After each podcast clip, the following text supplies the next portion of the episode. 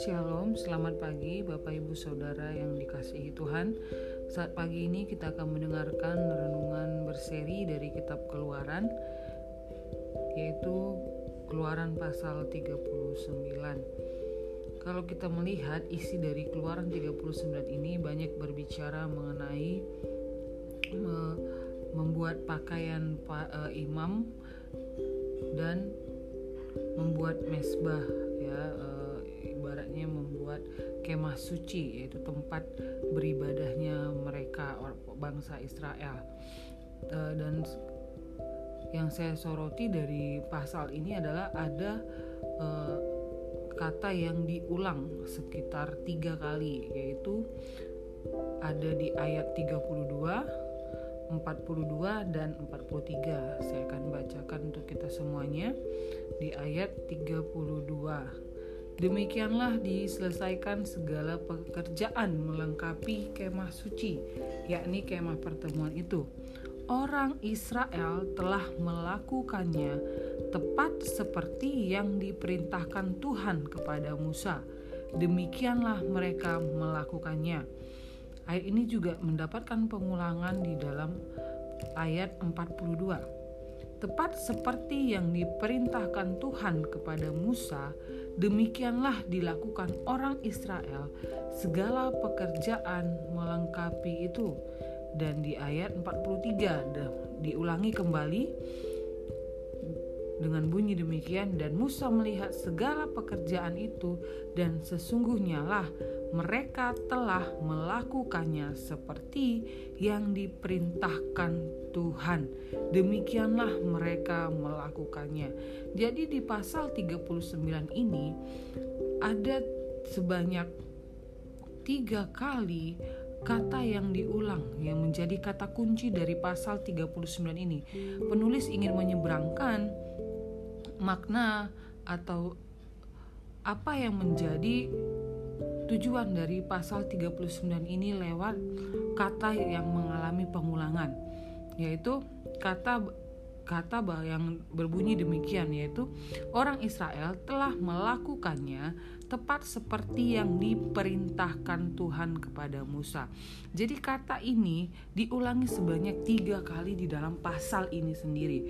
Jadi penulis ingin menyatakan kepada kita sebagai pembaca bahwa bangsa Israel melakukan perintah Tuhan tepat seperti yang diinginkan oleh Tuhan. Yang artinya bangsa Israel, orang Israel ketika membangun kemah suci, ketika membuat jubah untuk para imam, mereka melakukannya tepat seperti yang diperintahkan Tuhan. Yang artinya yang arti dari eh, kalimat ini adalah mereka taat kepada Tuhan mereka melakukan persis seperti yang diperintahkan Tuhan. Artinya, dalam bahasa kita, mereka taat kepada Tuhan. Dan firman Tuhan yang saya berikan judul renungan pagi hari ini adalah ketaatan itu harga mati. Ya, firman Tuhan di dalam perjanjian baru yang berbunyi demikian di dalam Yohanes 14 ayat 15 Yesus sendiri mengatakan demikian.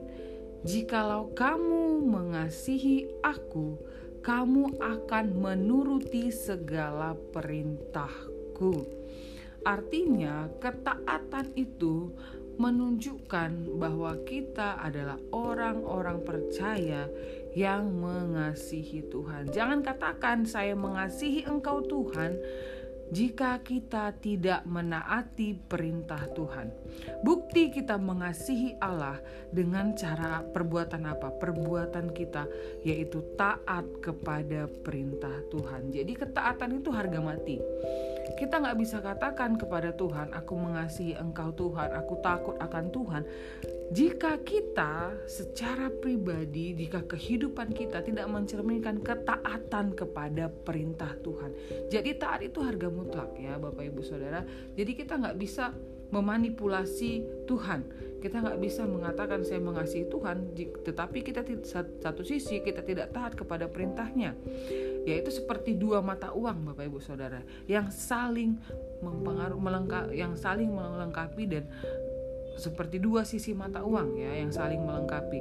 Jadi tidak bisa hanya satu ya maka uang itu tidak mata uang itu tidak akan berlaku jika kedua sisinya tidak memiliki gambar ya angka dan simbol nah jika kita mengatakan saya mengasihi Tuhan. Satu sisi kita mengatakan saya mengasihi Tuhan tetapi sisi yang lain kita tidak taat kepada perintahnya maka itu sesuatu yang sia-sia itu sesuatu yang percuma itu sesuatu yang penuh dengan kepura-puraan ya sesuatu yang tidak bisa diukur ya. Jadi jangan pernah mengatakan saya mengasihi Tuhan, tetapi satu sisi kita tidak taat akan perintahnya. Jadi tak ketaatan itu harga mati ya Bapak Ibu Saudara.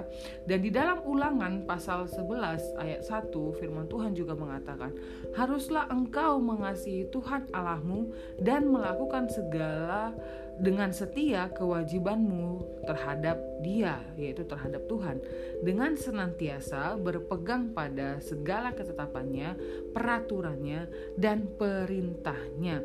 Jadi, di dalam ulangan dikatakan tuh Allah e, mengatakan kepada bangsa Israel untuk mereka mengas haruslah mengasihi Tuhan dengan cara apa? Melakukan dengan setia kewajiban sebagai umat Allah kewajiban mereka apa? Yaitu berpegang kepada ketetapan Tuhan, peraturan Tuhan dan perintahnya. Artinya mereka taat kepada perintah Tuhan, aturan Tuhan, ketetapan Tuhan yang sudah Tuhan berikan kepada mereka. Ya Bapak Ibu Saudara, jadi jangan pernah kita uh, menggombali Tuhan atau kita membohongi diri kita sendiri dan membohongi Tuhan dengan mengatakan saya takut akan Tuhan, saya orang Kristen, saya mengasihi Tuhan, tetapi satu sisi kita tidak taat akan perintah Tuhan. Ya di dalam uh, Alkitab sendiri mencatat bahwa Bapak Ibu Saudara kita harus tahu bahwa ketidaktaatan itu akan mendatangkan murka Allah dan hukuman Allah kepada kita. Ya, ada banyak tokoh-tokoh Alkitab ya. Contoh tokoh-tokoh Alkitab yang tidak taat yaitu Saul. Dia ditolak karena tidak taat. Adam dan Hawa diusir dari Taman Eden juga karena tidak taat. Ya, mari kita belajar seperti Abraham ya. Allah sangat menghargai ketaatan umatnya ya termasuk tokoh Abraham. Ya, Abraham diperhitungkan Allah karena kepercayaan dan ketaatan penuh kepada Allah. Ia taat tanpa ragu melakukan kehendak Allah. Ya. Jadi mari kita juga seperti belajar seperti Abraham ya melakukan perintah Tuhan tanpa ragu, taat melakukannya tanpa keraguan ya. Jadi kita percaya sepenuhnya kepada Tuhan dan taat melakukan perintahnya. Ya, jangan katakan saya adalah orang yang paling dekat dengan Tuhan. Jangan kita pernah mengatakan e, saya orang yang paling peka, saya orang yang paling dekat dengan Tuhan. Tetapi kita tidak melakukan perintahnya, kita tidak taat kepada perintah Tuhan. Kita tidak mau belajar melakukan perintah Tuhan ya. Belajar seperti bangsa Israel tadi ya. Di dalam keluaran 39 bahwa mereka melakukan tepat seperti yang diperintahkan Tuhan. Ya mereka melakukan apa yang diperintahkan Tuhan. Artinya mereka taat dengan ketetapan Tuhan perintah Tuhan di dalam hidup mereka. Jadi mari kita juga belajar taat ya. Oswald Camber mengatakan kita dapat membaca Alkitab setiap hari dan itu mungkin tidak berarti apa-apa bagi kita sebelum kita mentaati Allah di dalam hal-hal kecil. Ya, dia juga mengatakan di dalam uh, bukunya Oswald Camber mengatakan bila kesetiaan kita dihadapkan dengan konflik batin, selalulah selalulah kita harus memilih untuk menaati Tuhan Yesus Kristus berapapun harga yang harus kita bayar. Jika mungkin kita dihadapkan dengan pilihan keputusan-keputusan di dalam hidup kita yang mungkin kelihatan sulit, apakah saya harus taat kepada Tuhan atau saya harus tidak taat kepada Tuhan? Marilah di dalam konflik batin itu selalulah ambil langkah untuk menaati perintah Tuhan berapapun harga yang harus kita bayar. Karena pada akhirnya ketaatan itu mendatangkan berkat. Ya kita bisa melihat di dalam keluaran tadi di dalam pasal 39 ayat paling terakhir yaitu ayat 43. Di situ dikatakan bahwa dan Musa melihat segala pekerjaan itu dan sesungguhnya lah mereka telah melakukan seperti yang diperintahkan Tuhan. Demikianlah mereka melakukannya. Lalu Musa memberkati mereka, memberkati orang-orang Israel yang taat melakukan perintah Tuhan. Jadi ketaatan itu mendatangkan berkat. Jadi jangan so kita mau kompromi untuk tidak taat ke melakukan perintah Tuhan.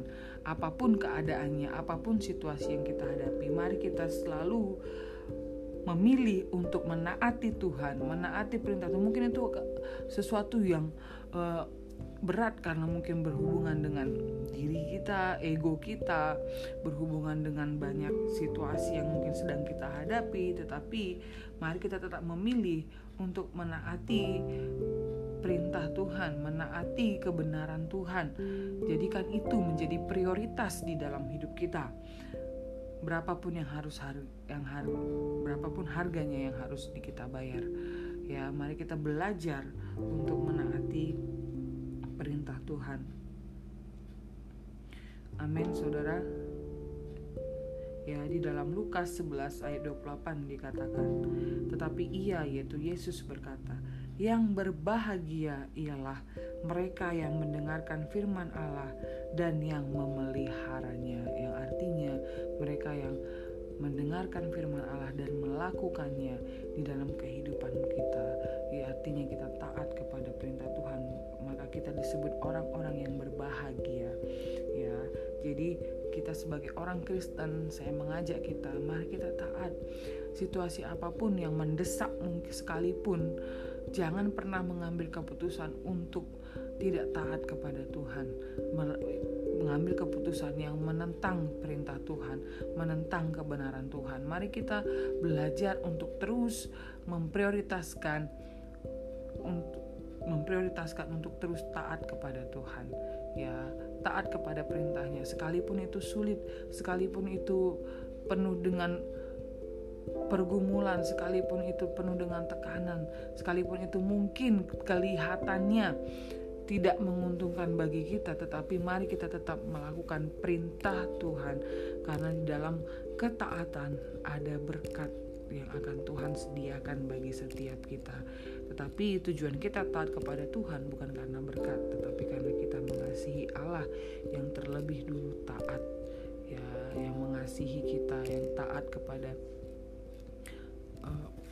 seperti Yesus yang taat kepada misi yang sudah Allah rancangkan yaitu menyelamatkan kita umat manusia apa pun resiko yang dihadapi oleh Yesus ketika dia datang ke dunia menjelma sebagai manusia sebesar apa pun tantangan kesulitan yang dia hadapi bahkan dia memberikan nyawanya dan dia taat sampai mati. Mari kita belajar seperti Kristus. Taat sampai mati. Ya Amin Bapak Ibu Saudara. Demikianlah firman Tuhan Renungan pada pagi hari ini. Tuhan Yesus memberkati